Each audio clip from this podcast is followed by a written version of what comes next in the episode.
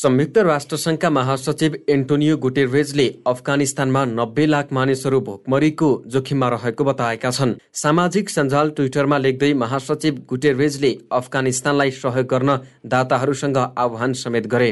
गुटेरेजले अफगानिस्तानको अर्थतन्त्र ध्वस्त भएको भन्दै दाताहरूलाई सहयोगका निम्ति आह्वान गरेका हुन्।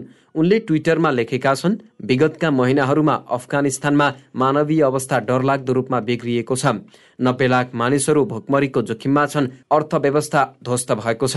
म दाताहरूलाई हाम्रो माग अनुसार तत्काल सहयोग उपलब्ध गराउन आह्वान गर्छु ताकि संयुक्त राष्ट्रसङ्घ र साझेदारहरूले जीवन बचाउने सहायतालाई जारी राखुन्। गत वर्ष अगस्तमा अफगान सरकारको पतन भएर तालिबान सत्तामा फर्किएसँगै अफगानिस्तानमा मानव अधिकारको अवस्था नाजुक भएको छ। देशमा द्वन्द्व समाप्त भए पनि मानव अधिकारको गम्भीर उल्लङ्घन जारी रहेको अन्तर्राष्ट्रिय सञ्चार माध्यमले बताउने गरेका छन्। तालिबानले गैर न्यायिक मृत्युदण्ड जबरजस्ती बेपत्ता यातना स्वेच्छाचारी नजरबन्द महिला र केटीहरूको अधिकारमा ठूलो कटौती सेन्सरसिप र मिडिया विरुद्ध आक्रमणहरू सहित मानवाधिकार उल्लङ्घनहरू जारी राखेको भन्दै आलोचना हुने गरेको छ। चरम आर्थिक सङ्कट भोगिरहेको श्रीलङ्कामा क्रुद्ध प्रदर्शनकारीले राष्ट्रपति गोताबाय राजपाक्सेको घर घेराउ गरेका छन्।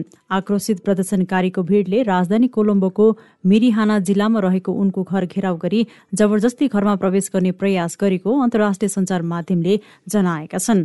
घर घेराउ गर्ने मध्ये पैंतालिस जनालाई पक्राउ गरिएको जनाइएको छ। प्रहरीले विज्ञप्ति जारी गर्दै संगठित अतिवादीहरूले मुलुकमा अराजकता सृजना गर्न खोजेको जनाएको छ। प्रदर्शनकारी मध्ये केहीले फलामको डण्डी भाला लाठी र अरू धारिलो हतियार समेत बोकेर राष्ट्रपतिको घर पुगेको प्रहरीले जारी गरेको विज्ञप्तिमा उल्लेख छ। प्रदर्शनकारीले दुई सैनिक बस र चार चक्के सवारी साधनमा आगजनी गरेको जनाइएको छ। प्रदर्शनलाई नियन्त्रण गर्न प्रहरीले अश्रु ग्यास र पानीको फोहरा प्रहार गरेको अल जजिराले जनाएको छ। प्रदर्शनपछि सो क्षेत्रमा केही समय कर्फ्यू समेत जारी गरिएको थियो। यद्यपि केही समयपछि उक्त कर्फ्यू हटाइएको अन्तर्राष्ट्रिय सञ्चार माध्यमले जनाएका छन्। प्रदर्शनका क्रममा राष्ट्रपति राजपाक्ष घरमै रहेको वा नरहेको बारे स्पष्ट भइसकेको छैन। सन् उन्नाइस सय अडचालिसमा स्वतन्त्रता पाए यताकै सबैभन्दा नराम्रो आर्थिक सङ्कट झेलिरहेको श्रीलङ्कामा सरकार विरुद्ध तीव्र जनआक्रोश पैदा भएको छ। विदेशी मुद्राको अभाव र आर्थिक सङ्कटबीच श्रीलङ्कामा तेल औषधि छपाई कागज जस्ता सामानको आयातमा समस्या उत्पन्न भएसँगै सर्वसाधारणले कठिनाई महसुस गर्दै आएका छन्। केही समय अघि मात्रै छपाई कागजको भावमा तीस लाख विद्यार्थीको परीक्षा स्थगित गरिएको थियो। रुसले रुबलमा भुक्तानी नदिएमा ग्यास आपूर्ति बन्द गरिदिने धम्की दिएको छ। रुसी राष्ट्रपति भ्लादिमिर पुटिनले असहिष्णु राष्ट्रहरूले ग्यासको भुक्तानी रुबलमै गर्नुपर्ने भन्दै यस्तो चेतावनी दिएका हुन्। रुसी प्रशासन क्रेमलिनले जनाए अनुसार राष्ट्रपति पुटिनले एक अध्यादेशमा हस्ताक्षर गर्दै शुक्रबारबाट रुसी ग्यासका आयातकर्ता मुलुकहरूले रुसी बैङ्कमा रुबल मुद्रामा खाता खोल्नु पर्ने बताएका हुन्। गाज प्रोम बैङ्क रुसी तेल कम्पनी गोज प्रोमको बैङ्किङ विभाग हो। कसैले पनि हामीलाई सित्तैमा सामान बेच्दैन र हामी पनि कसैलाई दान गरिरहेका छैनौँ यसको अर्थ वर्तमान सम्झौता बन्द हुनेछ। राष्ट्रपति पुटिनलाई उद्धृत गर्दै बिबिसीले जनाएको छ। उनले जारी गरेको अध्यादेश अनुसार रुसी ग्यासका खरिदकर्ता मुलुकहरूले रुसको गाजप्रोम बैङ्कमा खाता खोलेर युरो वा अमेरिकी डलर जम्मा गर्नुपर्नेछ। पछि उक्त बैङ्कले जम्मा गरिएका युरो र अमेरिकी डलरलाई रुबलमा विनिमय गर्ने र यसैबाट ग्यासको भुक्तानी लिइनेछ। रुसको सार्वभौमिकतालाई अझ बलियो बनाउनका लागि यस्तो कदम चालिएको पुटिनको भनाइ छ। युक्रेनमाथि आक्रमण गरेसँगै अमेरिका र अन्य पश्चिमा मुलुकहरू सहित विभिन्न आर्थिक महाशक्तिहरूले रुसी संस्थान एवं धनाढ्यहरूमाथि प्रतिबन्ध लगाएका कारण रुसको अर्थव्यवस्था चौपट बनेको छ। यद्यपि युरोपेली मुलुकहरूले रुसी ऊर्जामाथि प्रतिबन्ध लगाउन आनाकानी गरिरहेका छन्। युरोपमा कुल ग्यास खपतको चालिस प्रतिशत र कुल तेल खपतको तीस प्रतिशत रुसबाट आपूर्ति हुने बताइन्छ। यस अनुसार रुसले युरोपमा ग्यास बेचेर मात्रै हरेक दिन चालिस करोड युरो कमाउँदै आएको बताइएको छ।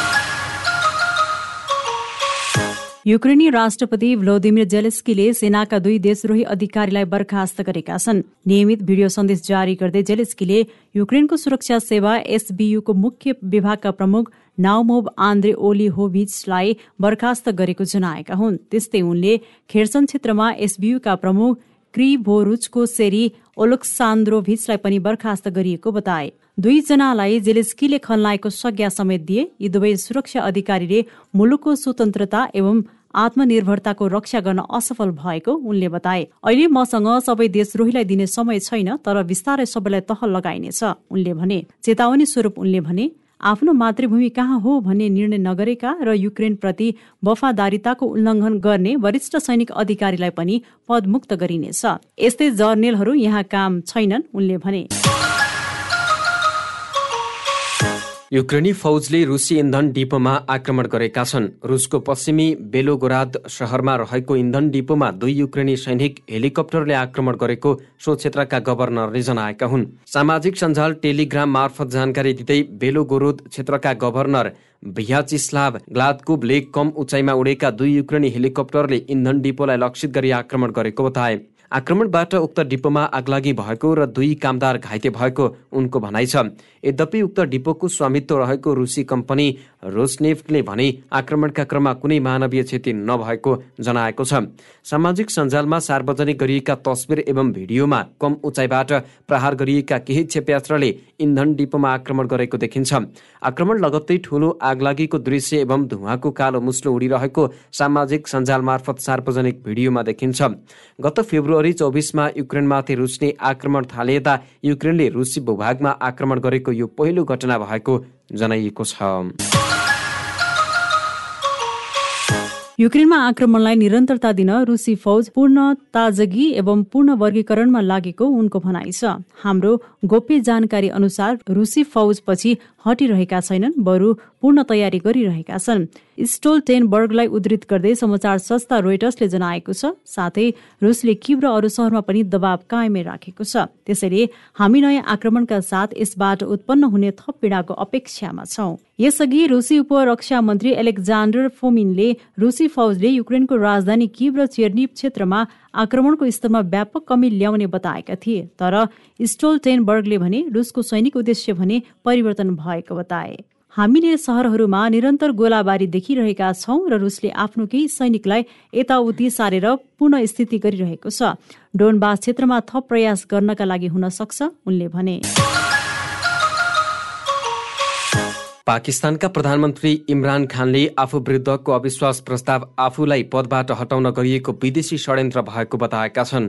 राष्ट्रका नाममा सम्बोधन गर्दै उनले आफूले यस सङ्कटलाई भारतीय उपमहाद्वीपको इतिहासका दुई कुख्यात पात्र मिर जाफर र मिर सादिकको भूमिकासँग तुलना गरेको टिप्पणी गरे यी मानिसहरूले आफ्ना देशवासीहरूलाई अग्रजहरूको दास बनाएका थिए। उनले भने मिर साधिक मैसुरका तत्कालीन शासक टिपु सुतलानका मन्त्री थिए। सन् सत्र सय अन्ठानब्बेदेखि उनान्सयमा भएको चौथो अङ्ग्रेज मैसुर युद्धमा उनले श्रीराङ्गा पट्टनमको घेराबन्दीमा टिपु सुल्तानलाई धोका दिई अङ्ग्रेजको विजयका लागि बाटो खोलेका थिए।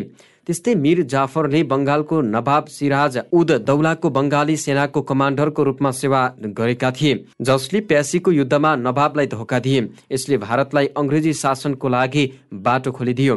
प्रधानमन्त्री खानले विपक्षी दलहरूले विदेशी षड्यन्त्र मार्फत देशलाई तहस नहस पार्ने प्रयास गरेको आरोप लगाउँदै भने विदेशी षड्यन्त्रद्वारा तपाईँहरूले देशलाई कसरी तहस नहस पार्नुभयो भन्ने कुरा सबैले सम्झनेछन्। उनले पाकिस्तानी संसदमा प्रधानमन्त्री विरुद्ध अविश्वासको प्रस्ताव दर्ता गरिएका विपक्षी दलहरूले विदेशीको इसारामा राष्ट्रलाई बर्बाद गरेको आरोप लगाए। षड्यन्त्रलाई सहज सफल हुन दिइनेछ भन्ने कसैले नसोचे पनि हुन्छ।